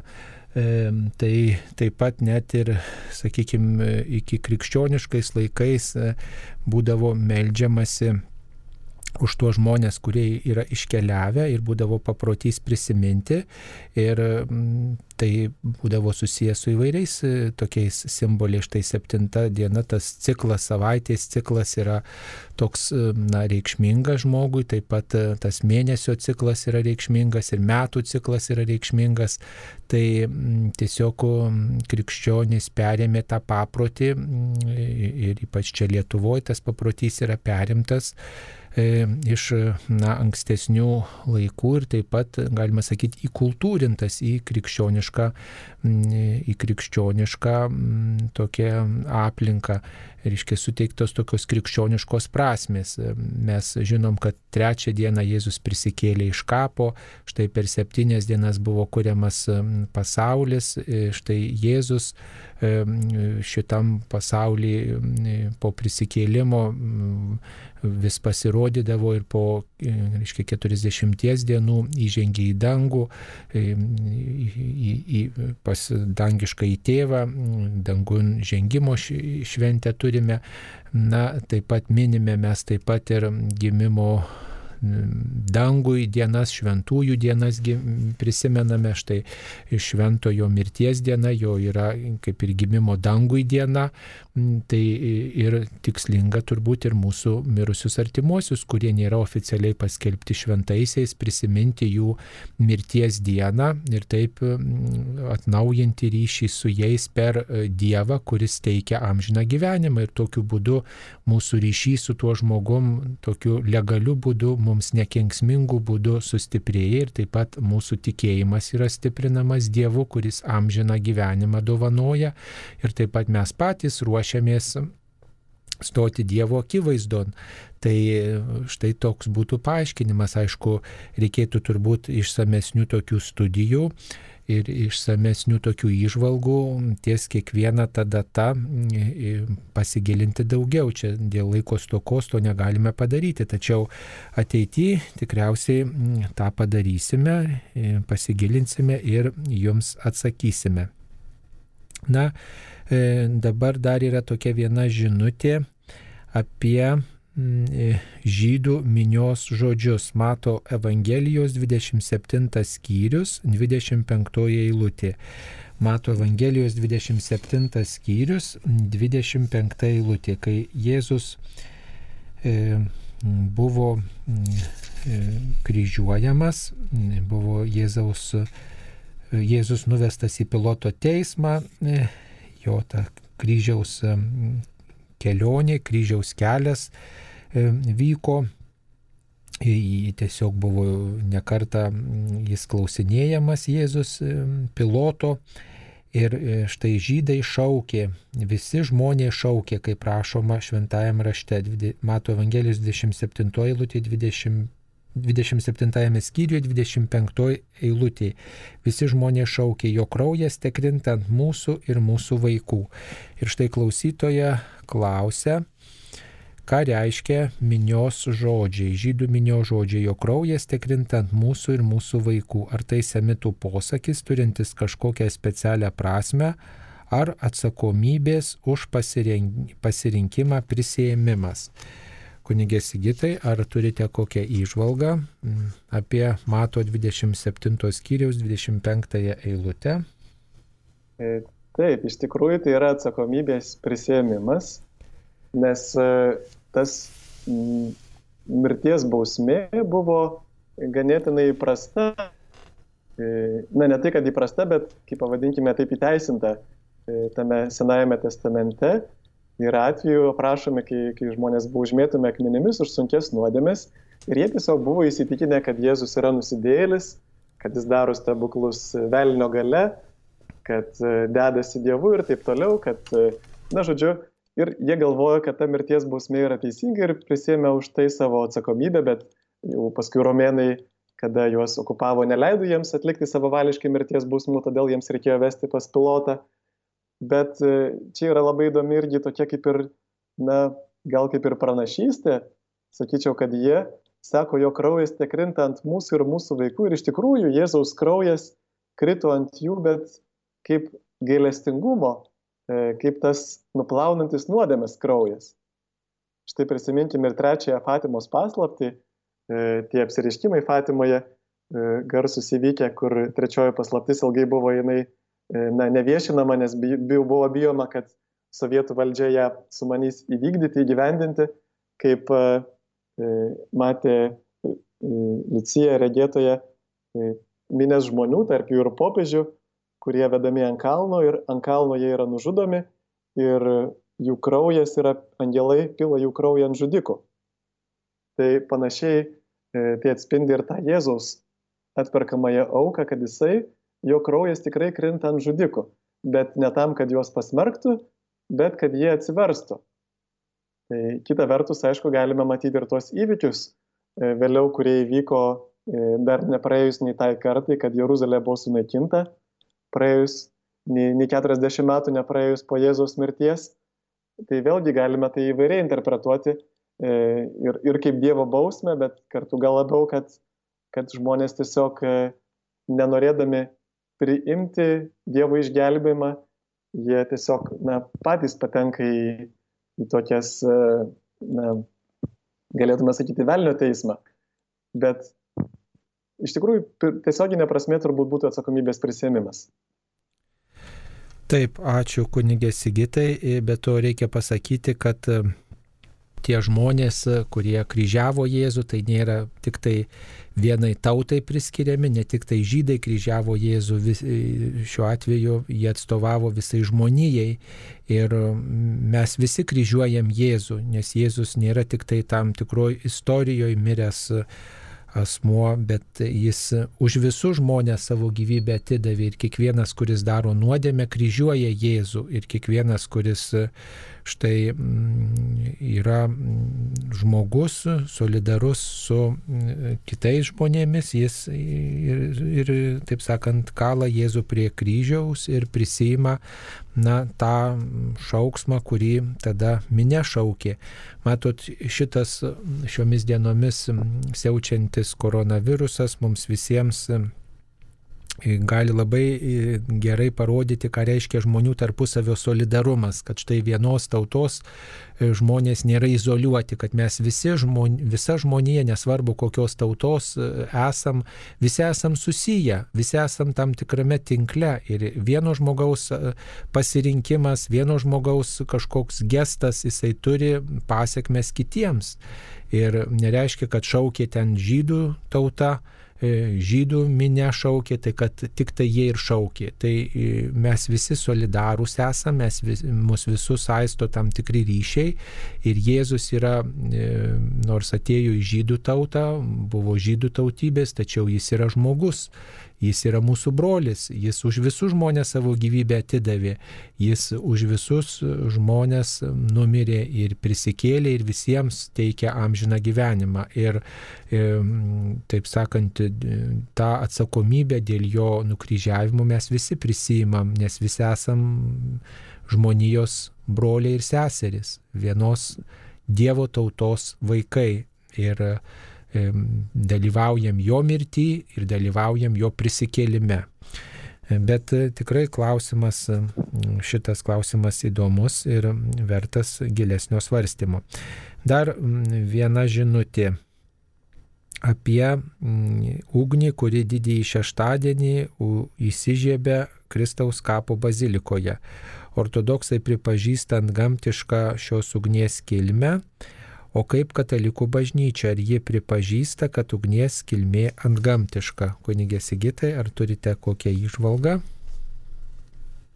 E, aišku, jeigu ortodoksai pripažįsta, tai mes galėtum irgi jais pasitikėti, nes e, tikrai yra įvykę ir mergelės Marijos apsireiškimų, ir, ir įvairių stebuklų, pavyzdžiui, įvairios verkiančios ikonos ortodoksų bažnyčioje, tai be abejo kiekvieną įvykį reikia ištirti, mes negalime taip jau labai lengvai patikėti visais skelbiamais dalykais, nes yra ir netikrų dalykų, bet, bet manau, kad galime pasitikėti, jeigu jie yra ištyrę šitą įvykį ir skelbia kaip stebuklą, tai, e, tai yra tikrai Dievui nėra negalimų dalykų. Na, kiek man teko girdėti, katalikų bažnyčia nėra pasakiusi nei, nei kad tai yra ant gamtinės kilmės, nei kad tai yra kažkokios kitos kilmės. Tiesiog ortodoksai švenčia tokiu būdu, katalikų bažnyčia švenčia na, truputį kitaip. Tos ugnies ten Kristaus kapo bazilikoje ne, tokiu būdu ne, ne, neįžiebė, kaip sakyti, ne, ne, nelaukia, kad jį užsidegtų, kai būna katalikiškos pamaldos. Štai Tai tiesiog yra tokia tikrovė ir, ir na, nėra kažkaip komentuojama bent jau oficialiai. Tai tiesiog yra e, toks liūdėjimas ir mes priimam kaip tam tikrą ženklą. Na, daugiau gal turbūt reikėtų klausti, ką tai reiškia, ką, ką tuo norima pasakyti. Maždaug mes visi norim patikrinti tuos stebuklus. Ar tikrai tai stebuklas? Taip, mums gal saugiau, kai žinom, aha, tikrai čia ant gamtinis įvykis, tai tada galim tikėti, tai tada verta tikėti. Bet, e, žinot, Dievas jisai veikia ne tik tai ant gamtinių būdų, jis ne tik tai daro stebuklus mūsų gyvenime. Štai ir Jėzus jis nenuolat darydavo tų stebuklų. Buvo tų stebuklų ir, ir, ir tokiais kritiniais momentais tikrai jisai nelikdavo abejingas, padarydavo kažkokį ženklą. Bet e, taip pat Jėzus ir įprastą gyvenimą gyveno. Ir mes neturėtume savo tikėjimo sėti vien tik su stebuklais ir tų stebuklų ištisai laukti savo gyvenime. Stebuklas, kad šitas pasaulis egzistuoja, stebuklas, kad gyvybė egzistuoja, stebuklas, kad Jėzus prisikėlė, stebuklas, kad aš dar gyvenu, kai, kai, kai sakykime, yra kažkokios kitos sąlygos, kai yra pavojai didžiuliai. Nu, kiekviena diena yra stebuklas savotiškai, nors mes galim paaiškinti, pagrysti, įrodyti daug ką galbūt kitomis žiniomis remdamiesi, bet vis tiek tikėjimas siekia toliau ne, ne, net negu stebuklas, įrodymai, tikėjimas yra santykio dalykas, yra pasirinkimas. O tas pasirinkimas, aišku, remiamas įvairiais dalykais, svarbiausiai patirtimi ir kitų liudijimų, kad mes remtume savo santyki su Dievu. Na, dar viena žinutė. Jėzus aukojosi, taip pat Dievas aukojo, kodėl tada Judas išdavikas. Na, man atrodo, kad mes jau svarstėm šitą klausimą anksčiau, bet gal trumpai dar būt e, galėtumėte kunigę kažką pakomentuoti. E, turbūt čia išriškėja ta, e, ta paslaptis laisvos valios, kad Dievas duoda laisvą valią ir mūsų nepriverčia. Ir kartu matom irgi iš judo istorijos, kad netgi e, tu galėtum gyventi kartu su Jėzumi, galėtum būti jo geriausias mokinys, geriausias draugas, bet ir gali nueiti į pragarą. Na, tiesą pasakius, mes nežinom, ar Judas nuėjo į pragarą, bet bent jau gali išduoti Jėzų. Ir galėtume su liūdus irgi prisiminti irgi mūsų e, brolių kunigų nuodėmės, kad mes būdami arti Jėzaus kartais išduodame Jėzų ir, ir kartais tikrai per pasaulį nuvilniuje įvairių skandalai, kada tikrai mūsų broliai yra labai stipriai išdavę Jėzų. Panašiai kaip Judas ir ne vienas iš mūsų nesam nuo to apsaugoti, bet tai yra mažai žingsneliais. Jeigu mes įsileidžiam lengvus dalykus, mažas nuodėmės, nekreipiam dėmesio, tai kaip šventas raštas sako, kas nekreipia dėmesio į mažus dalykus, pamažu nupuls. Taip, ačiū toliau bandom atsakyti į jūsų atsiųstas žinutės. Štai dar viena tokia žinutė apie rožinį. Ar rožinio kalbėjimas neprieštarauja Jėzaus mokymui? Kai melsitės, nedaug žodžiaukite. Ką manote, kunigė Sigitai? Taip, labai įdomus tas daug žodžiavimas. Visų pirma, galėtume irgi prisiminti tuos, e, tuos laikus, kada gyveno Jėzus ir tą pagonių maldos būdą. Irgi bažnyčios tėvai įvairiai aiškina tą eilutę, bet e, vieni irgi prisimena, kad kai kurie pagonys, jie labai stengdavosi, visų pirma, turėdavo labai daug dievų ir norėdavo į visus kreiptis, kad nors vienas iš jų išklausytų.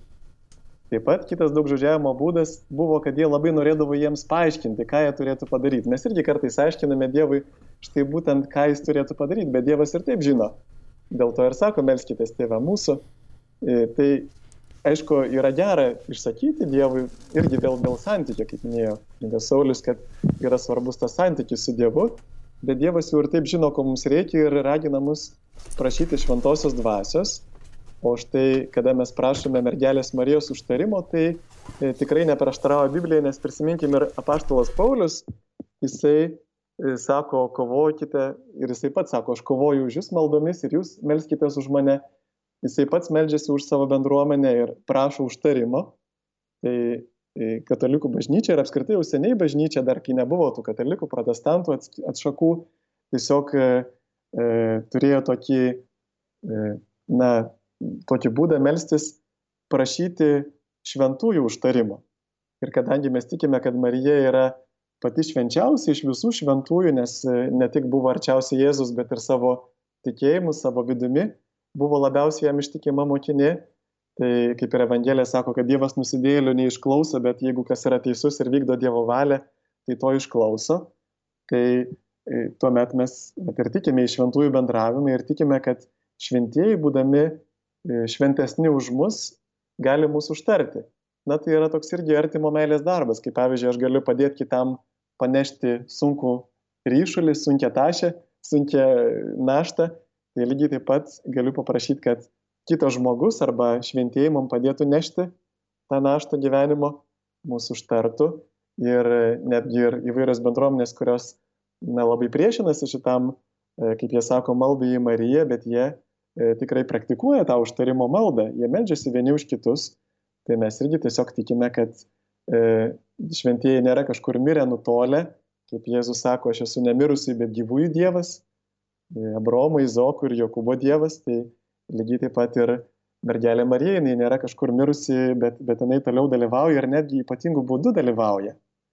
Bažnyčia yra paskelbusi Mariją bažnyčios motiną, kad ji toliau gimdo mus e, tikėjimui, gimdom žinajam gyvenimui savo užtarimu, savo malda, savo rūpeščiu E, todėl mums yra labai svarbus e, mergelės Marijos užtarimas.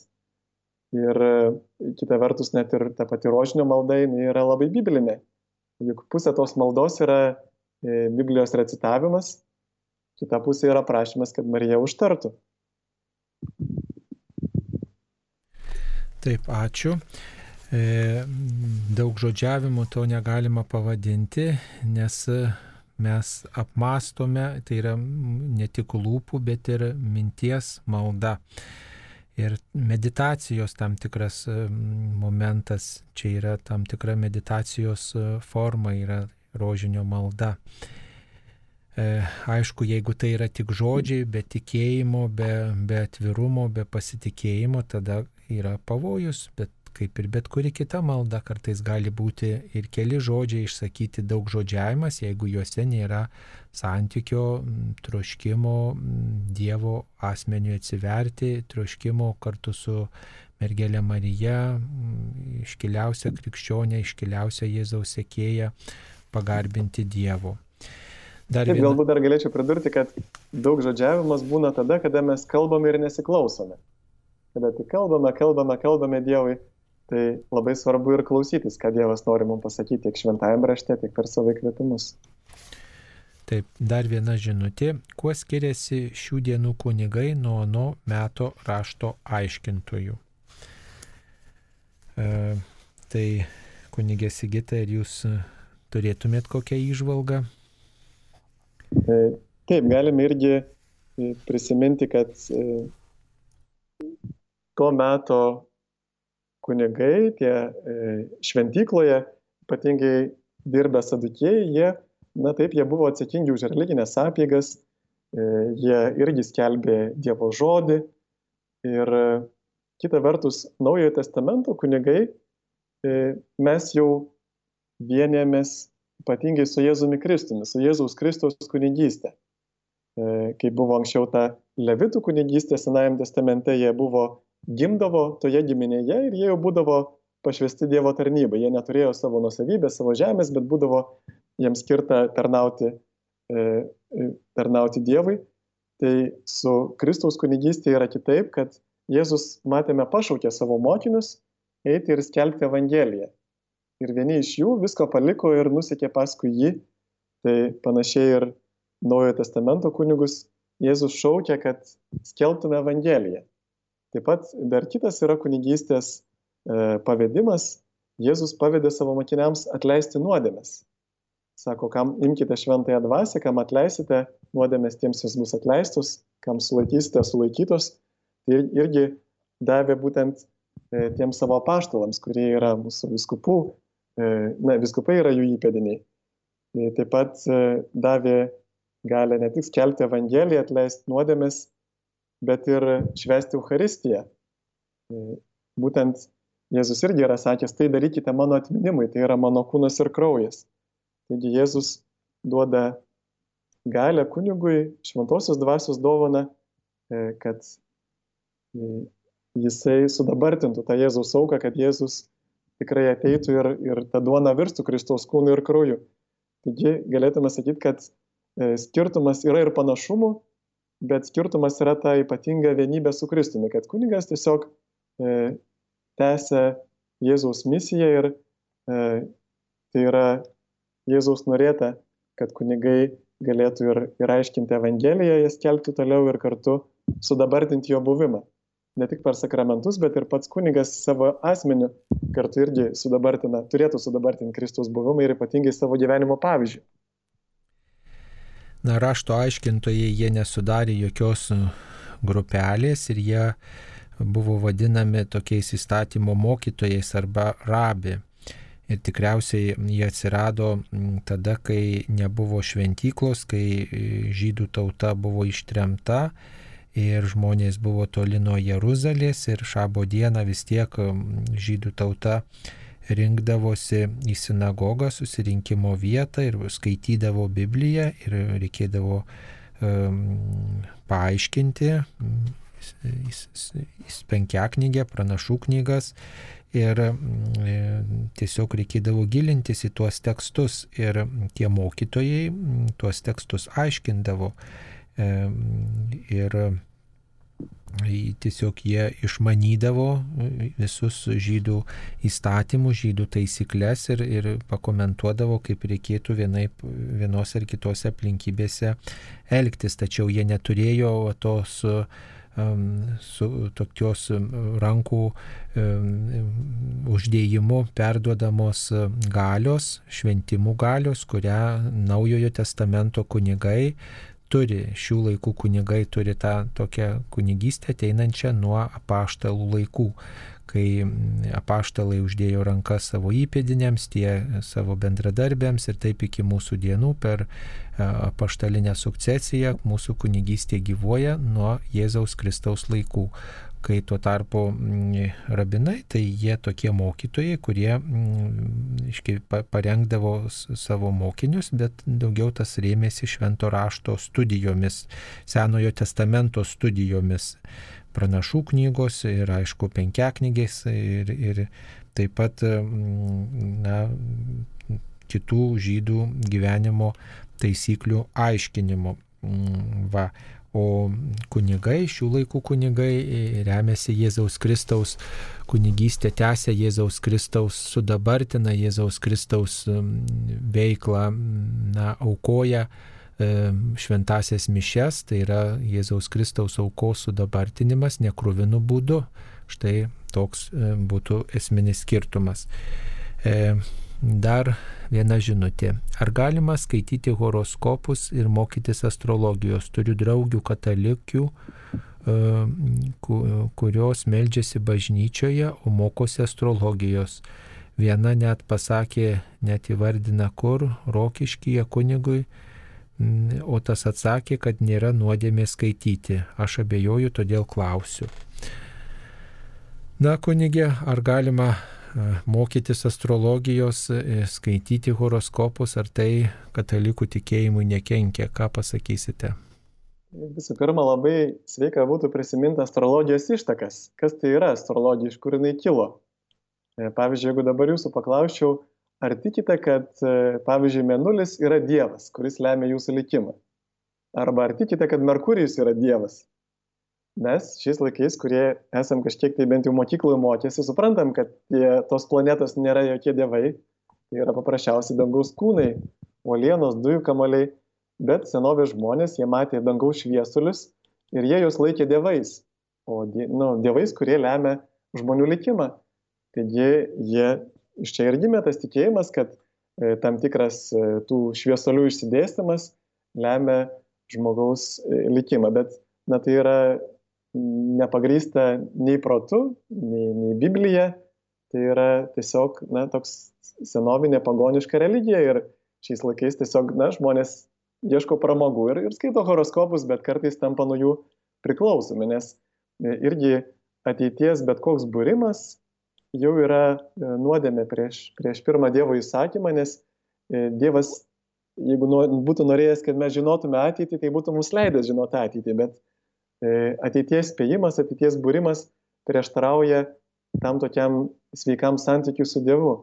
Dievas kviečia mus į pasitikėjimą, jo valios vykdymą, nes na, yra juk daug įvykių, kurie nuo mūsų nepriklauso, mes negalim nuspėti, kas įvyks. Bet svarbu, kad mes patys vykdytume Dievo valią.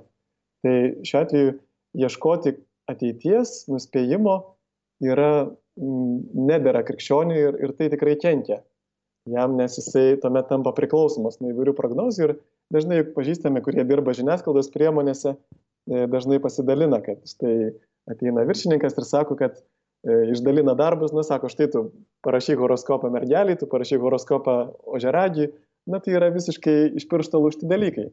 Aišku, yra tam tikros sistemos, mokslas, astrologijos, bet jis yra e, niekuo nepagrystas ir, ir tikrai krikščionių tikėti astrologija yra ir laiko gaišimas ir nuodėmė. Taip, tai tikrai su, pati neskaitykite, mėla klausytoje, tų horoskopų ir nesimokykite šito, šito amato ir taip pat e, draugė perspėkite, kad daro didelę nuodėmę, o galbūt kunigo, kunigas netaip suprato arba tiesiog jinai netaip suprato, ką kunigas e, klausė ar kaip kunigas paaiškino, tai taip, kad e, vienareikšmiškai horoskopų skaitimas, domėjimasis, mokymasis yra pirmo Dievo įsakymo pažeidimas. Neturėk kitų dievų, tik mane vieną. E, ir tai yra sunki nuodėmė, tikrai sunki nuodėmė ir tokiu būdu mes nutraukome savo ryšių su Dievu ir, ir subjaurome savo krikšto rūbą krikšto metu gautą apsaugą, kurią viešpats siunčia, kaip apsaugą, paramą, palaikymą mes savo norų nutraukėme ryšių su Dievu, mes juos tiesiog sujaukiame ir tolstame nuo Dievo, paskui stebėmės, kodėl mums nesiseka, kodėl mūsų gyvenime yra daug blogio, kodėl mes tokie pažeidžiami ir nežinom, iš kur tas blogis. Tai dėl mūsų neatsakingumo. Tas blogis ateina, kai mes įsileidžiame piktąją dvasę tokiu gal kartais atrodančių ir žaismingų būdų, kuris štai per visokias informavimo priemonės brukamas mums ir mes tikrai savo krikščionišką santykį su Dievu silpniname, klausydamiesi, domėdamiesi e, ir, ir gilindamiesi į astrologiją, horoskopus, tai tikrai prasilenkia su krikščionišku mokymu, su tiesa apie mus ir su mūsų laisvė. Aš tikrai dar norėčiau papildyti, prisimenu vieną jokingą atvejį, kai čia nais prasidėjo pandemija koronaviruso ir kai buvo paskelbtas karantinas ir kaip tik vieną dieną buvo Palmyros horoskopas, kad e, ši diena yra labai palankus metas kelionėms. Ir visi pradėjo dalintis Facebook'e e, su šipsenėlė, kad kada yra išplitusi viruso pandemija, o štai horoskopas kalba, kad yra labai palankus metas kelionėms. Tai tikrai tai yra visiškai nerimta. Taip, palankus metas kelionėms, kai visi tikrai yra kviečiami likti namuose, tai labai ironiška.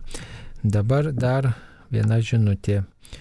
Nuo 27 dienos e, bus galima dalyvauti mišiuose su žmonėmis, ar bus klausomos išpažintys. Na tai išpažinčių ir lygi šioliai pavienių išpažinčių būdavo galima klausytis kunigams ir nesibūriuojant tiesiog arba susitarus su kunigu galima būdavo atlikti išpažinti, o dabar aišku, kad e, tiesiog laikantis tam tikrų saugumo, saugumo principų, gerbiant save ir gerbiant kunigą, bus galima tikriausiai atlikti išpažinti bažnyčioje, tai tiesiog konkrečioje bažnyčioje reikėtų e, pasiskambinti ir, ir, ir pasiklausti va, pas kunigą, pas kurį jūs ketinate atlikti išpažinti. Na, jeigu aukojamo šventos mišios, tai dažniausiai prieš mišes būdavo tokia tvarka, kad kunigas klauso išpažinčių, tai jeigu galima dalyvauti mišiuose tikintiesiems, tai bus galima ir atlikti išpažinti.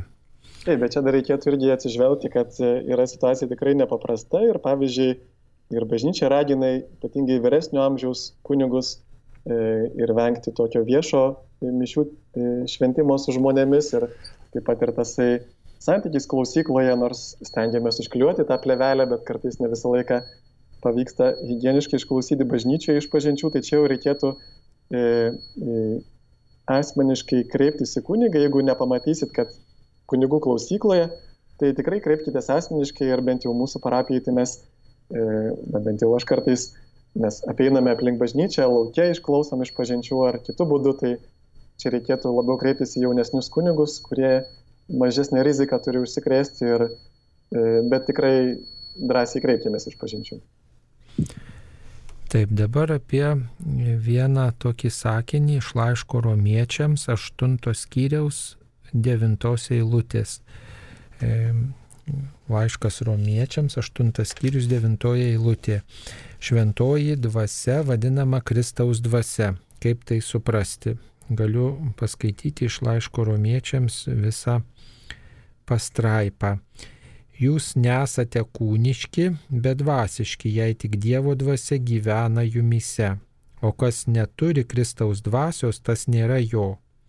Jeigu Kristus yra jumyse tai kūnas tiesa marus dėl nuodėmės, bet dvasia gyva dėl teisumo.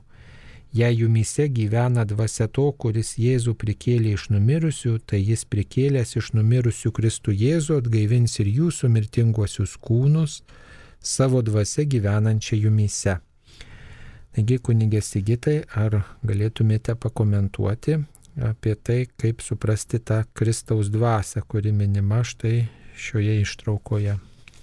Taip, čia kartu e, paminėta, kaip pastebėjot, kaip kunigas paskaitė platesnį ištrauką, kad tai yra ir tėvo dvasia, ir Kristaus dvasia, ir e, Dievo dvasia, kaip paminėta. Tai žodžiu, e, šventąją dvasę kaip asmenį iš tikrųjų apreiškia Jėzus Kristus. Nors dvasia buvo dažnai minima Senajame testamente, bet jinai dar nebuvo suprantama kaip atskiras asmuo. Tikrai nėra jokios užuominos. Na, tiksliau sakant, yra užuominų, bet žydai netikėjo e, švenčiausiai trejybę, kad dar egzistuotų tėvas, sunus ir šventoji dvasia. Tai Kristaus dvasia ar Dievo dvasia ar tėvo dvasia, na tiesiog norima pasakyti, kad tai e, Kristaus apreikštoji dvasia, bet kad tai yra tas trečiasis e, asmuo šventosios dvasios. Kaip žinome, kad yra tas ta bendrystė tarp švenčiausios trejybės, ten, kur yra vienas asmuo, ten yra ir visi kiti, visi asmenys. Tai čia tiesiog paštalas Paulius naudoja labai įvairiai tą žodį, bet, bet turi minti šventąją dvasę. Taip, šventoji dvasia yra Jėzaus sūnaus dvasia, nes būtent per sūnų mes pažįstame šitą dvasę, jis pažadėjo ją siūsti ir kartu su tėvu siunčia šią dvasę. Tai e, šiuo atveju galime priimti ne tik tai kaip trejybės e, trečiąjį asmenį, e, štai šitoj vietoje, bet taip pat ir bendrai ta tokia nuostata, kaip Kristaus nusistatymas, koks yra, kaip Kristaus veikimas, koks yra Kristaus su kokia nuostata, su kokia, su kokia tokiu pasiryžimu su, su, su, eina Kristus ir, ir veikia. Tai tas, kas neturi Kristaus dvasios, tas, kas neturi Kristaus nusistatymo, kas neveikia taip kaip Kristus, tai tas na, toli yra nuo, nuo Dievo tas na, nepriklauso Kristui arba savo tą priklausomybę su Kristumi silpnina, kas stokoja Kristaus dvasios arba kas neveikia pagal Kristaus dvasę. Taip, tai netrukus tikrai bus sėkminės ir mes trokštame atnaujinti tą viešpaties dvasę mumise, kad ji atnaujintų savo veikimą ir padėtų mums tikrai turėti tokį nusistatymą, kokį turėjo Kristus Jėzus. Kitaip sakant, kad ir mes veiktume tą pačią dvasę, su tuo pačiu pasiryžimu, su, to, su tokiu pačiu um, užsidegimu, taip kaip veikia Jėzus, kad mus vestų Dievo dvasia. Dar viena žinutė apie gydytojus, kurie atlieka savo misiją e, dėl savo saugumo ar dėl kitų, e, ar jiems bus sunki nuodėmė, jei nei sekmadienį, o klausysis per Marijos radiją šventųjų mišių ir priims dvasinę komuniją. Štai gydytojai.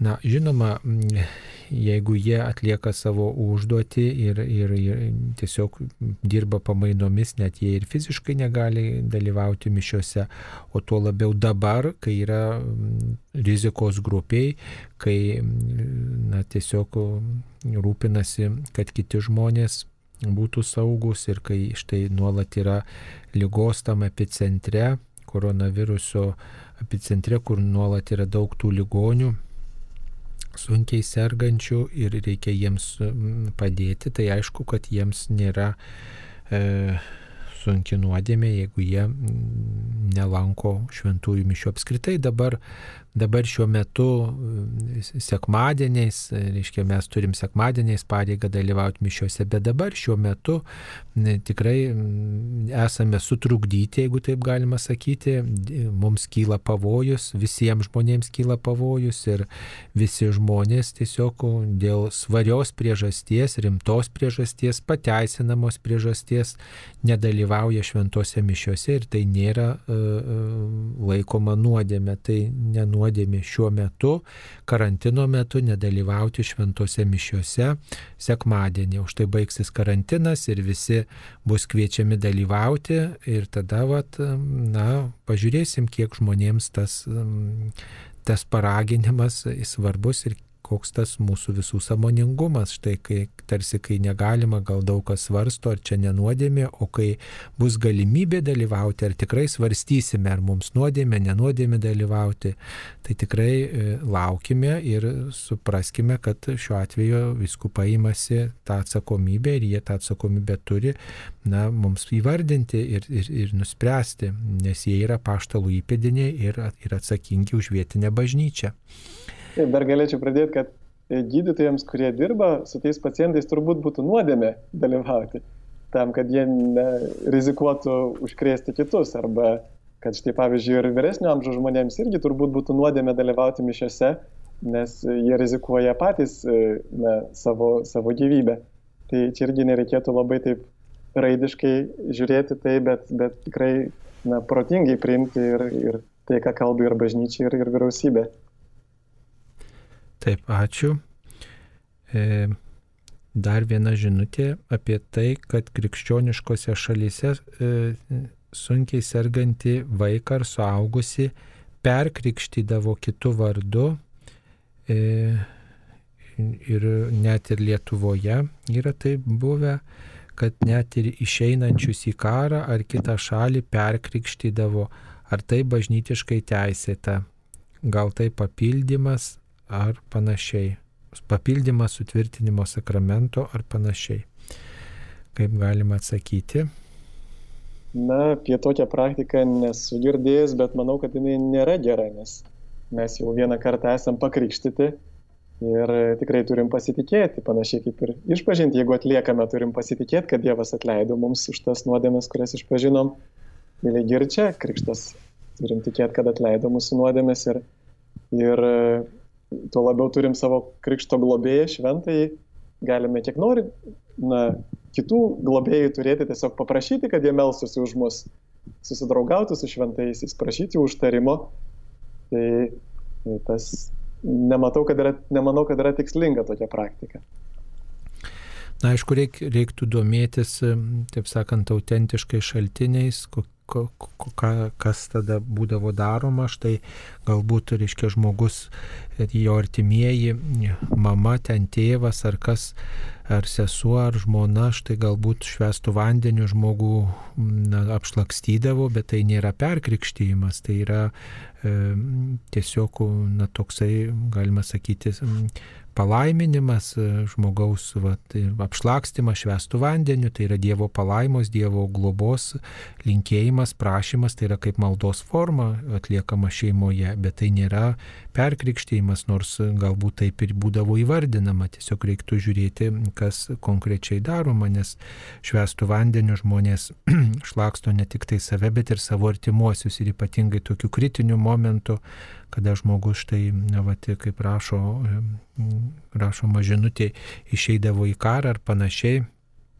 ar sunkiai sirgdavo ir tas um, apšlakstimas švestų vandeniu, tai tos palaimos linkėjimas, štai kad viešpats globotų, lydėtų, saugotų, gintų tą žmogų, gal sakytume priminimas krikšto, kad štai tu esi krikščionis žmogau ir Dievas tave te saugo ir aš štai paremiu tavo krikščionišką kelią ir prisimenu ir maldą lydžiu ir, ir, ir, ir Dievą kviečiu į tavo gyvenimą dar kartą ir būdžiu už tave ir, ir linkiu tau ir prašau tau Dievo, kad grįžtum sveikas, kad pasveiktum iš lygos, kad visos negandos liautųsi, bet tai yra malda, tai yra tam tikras krikščioniškas gestas, bet jokių būdų nėra perkrikštymas. Krikštas teikiamas vieną kartą visiems laikams ir yra neatšaukiamas. Sutvirtinimo sakramentas taip pat teikiamas vieną kartą ir jis nėra nei papildomas, nei, nei atšaukiamas, nei, nei panašiai. Tai tiesiog reikėtų pasidomėti konkrečiau. Dar viena e, žinutė apie urnas. Mm, pastaruoju metu daug kur laidutuvėse yra urnos. Kaip atsisveikinti su žmogumi, kurio palaikai yra sudeginami. Va, kaip atsakytume kunigė, kaip patartumėte atsisveikinti su žmogumi, kurio palaikai sudeginami. Na, net jeigu ir jo būtų palaikai dar dar nesudeginti, kitų būdų būtų laidojamas, vis tiek jau to žmogaus ten nėra. Yra tik tai jo kūnas, bet to žmogaus ten nebėra. Yra jo siela. Ir lygiai taip pat, kaip mes bendraujame su Dievu, taip pat galime ir, na, ne tai, kad bendrauti su, miru, bendrauti su mirusiaisiais nėra gerai, bet e, mes turėtume už juos melstis. Kitaip sakant, kad e, Dieve turėtume ieškoti vienybės E, su jais. Kuo mes esam arčiau Kristaus, tuo esam arčiau mirusiųjų, kurie numirė susivienė su Kristumi. Tai mes visą laiką galime už juos melstis tiesiog na, galime galbūt net ir paprašyti Dievo, kad perduotų jiems kokią nors žinę, bet kad štai tas mūsų bendravimas būtų Jėzuje Kristuje su jais, nes būtent Jėzus Kristus dovanoja tą e, amžiną gyvenimą ir prisikelimą. Taip, ačiū kunigui Sigitui už dalyvavimą šioje laidoje. Atsiprašome, mėly Marijos radio klausytojai, už šios laidos e, trikdžius dėl techninių aplinkybių. Ne visada mums pavyko sklandžiai vesti šią laidą. Tai tikrai tikime jūsų, tikimės jūsų supratingumo. Šiuo nelengvu laikotarpiu dirbam visi tokiom pasikeitusiom sąlygom. Šioje laidoje į jūsų atsiųstas žinutės atsakinėjo kunigas Sigitas Jurkštas, Kauno Šilainių Šventosios dvasios parapijos kunigas ir taip pat aš kunigas Saulis Bužauskas. Visiems daug sveikatos ir tvirto tikėjimo. Likite su Marijos radijumi. Sudė. Sudė.